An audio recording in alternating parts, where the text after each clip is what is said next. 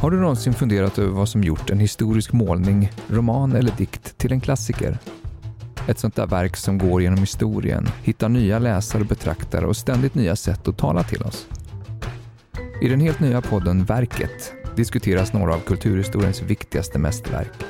Vad handlar alla dessa verk om och vad kan de egentligen säga oss idag?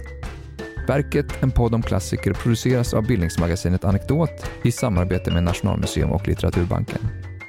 Från och med idag kan du lyssna på podden på anekdot.se eller prenumerera på verkets egen poddkanal där poddar finns. Men här i Bildningspoddens kanal publicerar vi idag de två första avsnitten som ett litet smakprov. Ni hittar dem i poddflödet direkt efter det här inslaget.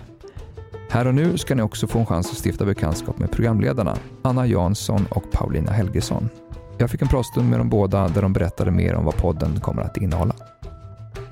Anna Jansson och Paulina Helgesson, varmt välkomna hit. Tackar. Tack. Ni måste börja med att säga något kort om er själva. Ja, eh, det är alltså jag som är Anna Jansson och jag brukar presentera mig själv som en förortsmamma som jobbar med gammal konst. Så river man av alla fördomar. Jag är konsthistoriker, jag har en masterexamen i konstvetenskap och jobbar med PR och eh, kommunikation på Nationalmuseum sedan några år tillbaka. Mm. Paulina?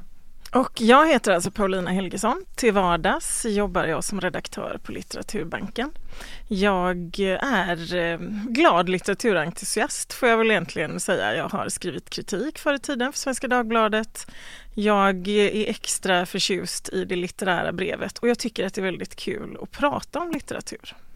Och för de som inte vet vad Litteraturbanken är så är vi en helt ideell och icke-kommersiell förening som jobbar med att digitalisera det litterära kulturarvet helt enkelt. Och lägger mm. ut det på nätet så att alla kan komma åt det. Ungefär som eh, eh Nationalmuseum uppdrag att samla det svenska konstskatten kan man säga. Mm, men vi har ju också internationell konst i våra Just det, samlingar. Det ska vi komma in på. Ja. Men Anna, eh, du som alltså jobbar på Nationalmuseum, du kommer leda samtalen om konstverken i verket. Eh, vilka andra personer kommer vi höra i, i, i de här poddsamtalen?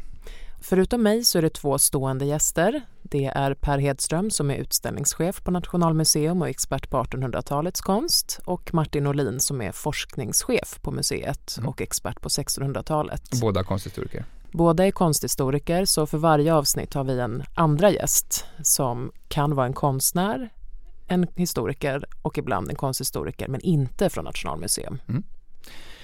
Och Paulina, eh, du kommer handla om de litterära samtalen som har också både litteraturhistoriker och författare och andra litteraturkunniga personer som gäster. Eh, men vilka typer av verk är det vi kommer få möta i verket? Det är ju lite av en eh, blandning ska sägas. Det är enskilda dikter, det är noveller, det är romaner.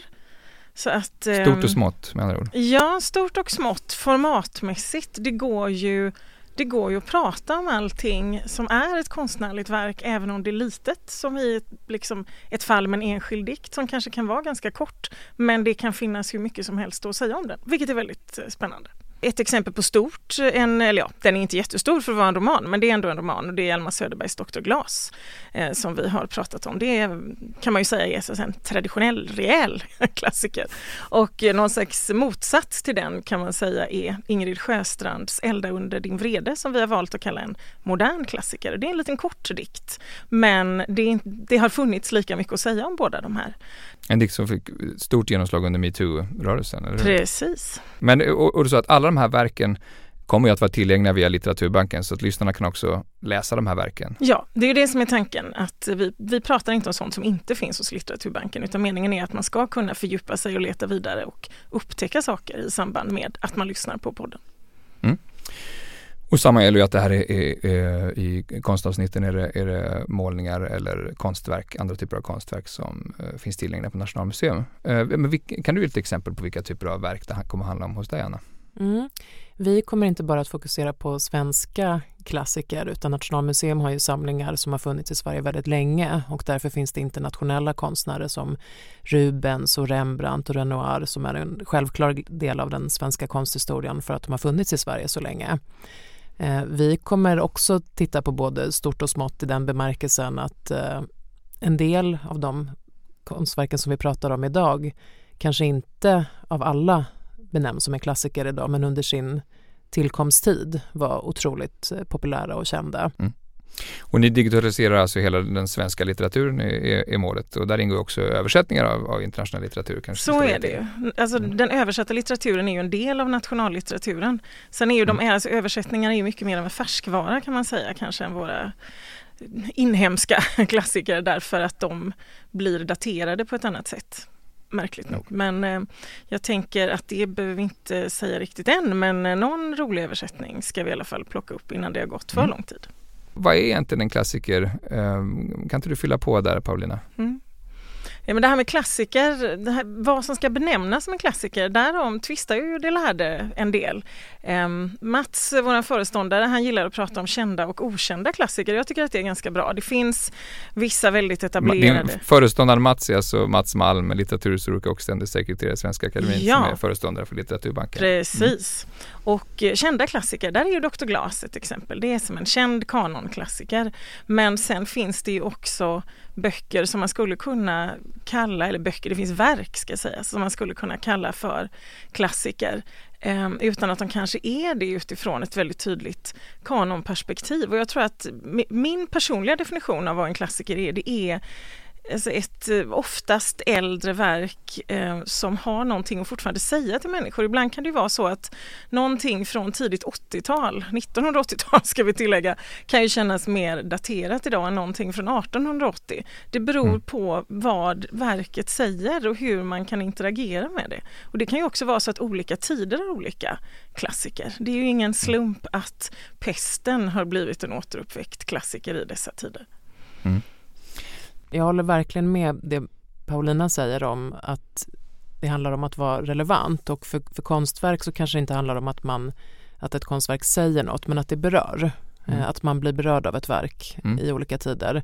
Och det är just det som är lite blandat i, i våra konstverk. Att till exempel Midvinterblot av Carl Larsson som vi kommer prata om i ett av de tidiga avsnitten var otroligt omdebatterat i sin samtid och fick inte visas då på Nationalmuseum. Det refuserades. Medan idag så tror jag att min generation och lite yngre tycker att det är ett helt självklart verk på Nationalmuseum. Mm medan Sigrid Blombergs fantastiska skulptur Bebådelsen i sin tid är ett av de mest välkända och reproducerade och älskade verken som sen under 1900-talets eh, senare hälft försvinner lite grann men nu mm. återigen är otroligt älskat och ett av de mest välfotograferade verken mm. fastän man kanske inte känner till så mycket om konstnären i sig. Det är intressant det där med konjunkturen också, hur saker och ting kan gå upp och ner mm, i populariteten som ni kommer komma in på i podden. Um, varför känner ni personligen att det är viktigt och ni, ni är två personer som brinner för, att, för litteratur och konsthistorien eh, och just att den ska vara närvarande i vår egen tid. Så. Varför är det viktigt att prata om, om sådana här enskilda verk ur historien? Jag tror att ett eh, problem eller en risk med klassiker är att man börjar förutsätta att alla människor har kunskap om dem och att man slutar ställa frågor till verket för att det fördjupningen anses inte behövas för att alla redan känner till verken. Och för det första så känner ju inte alla till de verken som vi benämner mm. som klassiker. Och när vi då som, som jobbar med verken slutar behandla dem och slutar prata om dem så innebär det att färre människor får, får tillgång till dem. Mm.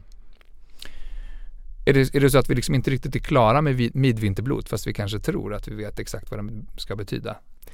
Vi är inte klara med den därför att det kommer ju nya betraktare hela tiden och eh, det tror jag är en risk just med klassiker att man tror att de är färdigtolkade och att all, all kunskap är packad och klar. Men så, jag tror inte att det är så eftersom att konstverk eh, berör människor i sin egen tid också och därför finns det alltid ett behov av nya tolkningar och nya synsätt relaterat till den samtid man lever i. Paulina, vad säger du? Jo, men jag håller absolut med Anna där. Det är, det, det är liksom en fälla som är lätt att gå i och tro att någonting är färdigt. Det är det aldrig, det blir aldrig färdigt. Det är det här med att vi kliver aldrig ner i samma flod två gånger. Det rör på sig, vår samtid rör på sig och sen tänker jag också att jag hoppas ju att podden kan bli en ingång till andra saker än bara det enskilda verket. Att man kan bli nyfiken på ett författarskap, ytterligare ytterligare verk av en viss författare eller verk i en viss tidskontext. Att, att det blir en ingång till andra tider, andra världar, ett, ett nytt sätt att se på, på vår historia. En gateway drug. Ja, ja, jag vill att litteratur gateway ska drug. bli en gateway drug. Jag är så redo för det. En väg in till en, till en annan värld lite grann. Till det lite tyngre. Till det lite tyngre, okej. Okay. Ja. Där, jag kan bara tillägga där att där har konsten en där har konsten ett stort försprång därför att bilder kan man ju ta till sig även om någonting är från 1600-talet så tar du till dig en bild på ett annat sätt. När det gäller litteraturen så finns det en språkbarriär eh, och det är vi väldigt medvetna om och då är det ytterligare en viktig aspekt när man faktiskt går in i någonting, framförallt om det är ett äldre verk, att man öppnar upp det och hjälper folk kanske att ta sig förbi språkbarriären lite grann. Ja, finns det något ni önskar er av, av lyssnarna? Att de ska fortsätta att lyssna och gärna komma med önskemål ser jag lite exalterat framför mig. Vad skulle man vilja? Vilket verk skulle man vilja höra ett, ett liksom lite mer ingående och djupare samtal om? Vad är man nyfiken mm. på? Det skulle jag jättegärna vilja veta. Mm. Det, det, skulle jag också tycka var intressant därför att jag tror att det kan finnas en viss diskrepans mellan vad museiexperter tror är klassiker och allmänt välkända verk och vad som faktiskt är det i, i verkligheten. Mm.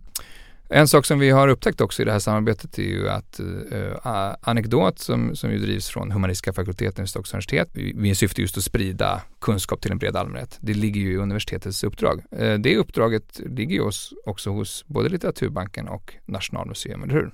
Folkbildningsuppdraget. Så är det och vi på Nationalmuseum, vi vill ju gärna sprida samlingarna och kunskapen om samlingarna så brett som möjligt och gärna till människor som av olika anledningar inte kan komma till museibyggnaden. Mm. Men ni har också uppdrag att sprida kunskap om svensk konst? Ja, och det är vårt uppdrag och eh, det är ju självklart att man kan ta del av kunskap om konst även om man inte är på ett museum och där är ju poddformatet så bra.